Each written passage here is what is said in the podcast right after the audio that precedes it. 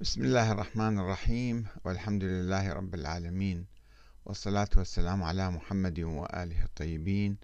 ثم السلام عليكم أيها الأخوة الكرام ورحمة الله وبركاته.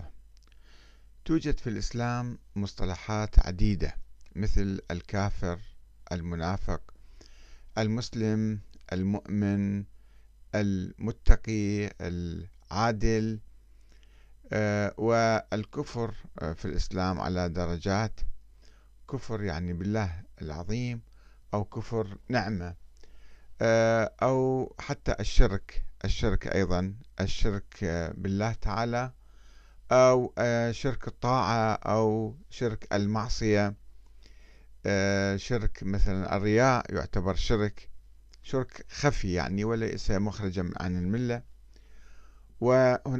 هناك آية في القرآن الكريم. عفوا بسم الله الرحمن الرحيم. قالت الأعراب آمنا. قل لم تؤمنوا ولكن قولوا أسلمنا. ولما يدخل الإيمان في قلوبكم. وأن تطيعوا الله ورسوله لا يلتكم من أعمالكم شيئا. إن الله غفور رحيم. هذه الآية آه، تفرق بين المسلم والمؤمن المسلم هو الذي يتشهد الشهادتين ويلتزم يعني بأحكام الإسلام العامة ولكنه آه، يعني إيمانه ضعيف ولما يدخل الإيمان في قلوبكم. هذا الله يخاطب قبيلة من قبائل الأعراب. آه، يعني هذا المصطلح الذي يقدمه الإسلام وهناك آه، في الإيم يعني درجة أخرى بعد الإيمان آه، الإيمان الحق الذي المؤمن يلتزم بتعاليم الإسلام بدقة آه، يلتزم بالواجبات يتجنب المحرمات وأيضا يتقي الله في أعماله وأقواله.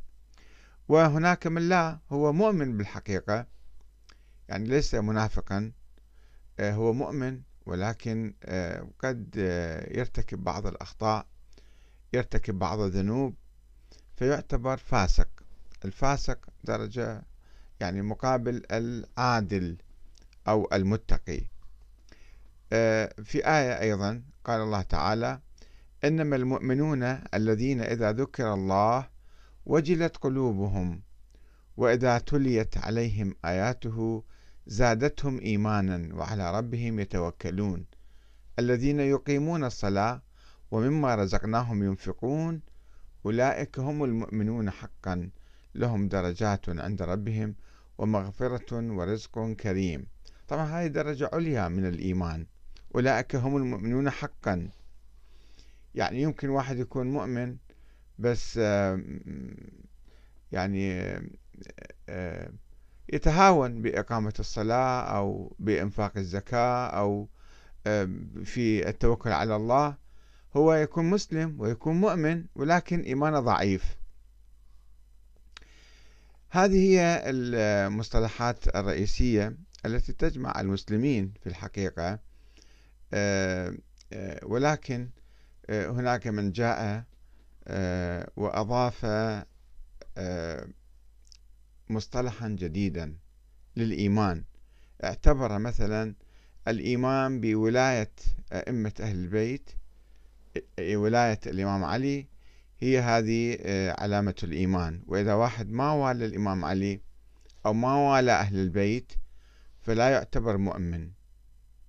هذا نوع تقسيم جديد. في القرآن لا يذكر ذلك. القرآن الكريم لا يذكر مسألة الولاية كأنها شرط من شروط الإيمان. وأيضا هناك من يأتي ويقول يعني هناك حديث مثلا يروى عن آه، أبي محمد الحسن العسكري الإمام الحادي عشر عند الشيعة الاثنى عشرية. يقول ذلك الحديث هذا الحديث مشهور. علامات المؤمن خمس صلاة إحدى وخمسين. صلاة إحدى وخمسين يعني صلاة واجبة وصلوات صلاة الليل المستحبة. وزيارة الأربعين. زيارة الأربعين حسين يعني. والتختم في اليمين. وتعفير الجبين في الصلاة. والجهر ببسم الله الرحمن الرحيم. هذا الحديث من يردوه في زيارة الأربعين تشجيعا على هذه الزيارة التي يقوم بها الشيعة في أيام آه، العشرين من صفر.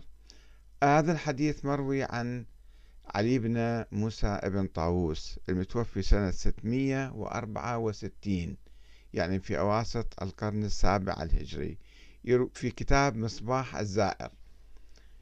يروي هذا الحديث عن الإمام آه، العسكري اللي كان في منتصف القرن الثالث الهجري يعني حوالي 400 سنة فرق بيناتهم وما يذكر السند فقط روي عن أبي محمد.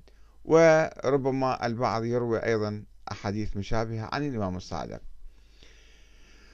في القرن الثاني الهجري. فهل هذه الأحاديث أساسا هي صحيحة؟ وهل فعلا تشكل علامة من علامات المؤمنين هذه الأمور التي ذكرت في هذه الأحاديث؟ آه، أم أنها تتنافى مع القرآن الكريم الذي يحدد الإيمان بالإيمان بالله تعالى مثلا والإيمان بالآخرة والتوكل على الله وإقامة الصلاة وإيتاء الزكاة. أكثر من ذلك إذا واحد ما تختم باليمين أو ما زار زيارة الأربعين أو ما عفر الجبين أو مثلا ما جهر ببسم الله الرحمن الرحيم. هذا يصبح غير مؤمن إيمانه ناقص أو هذه يعني حسب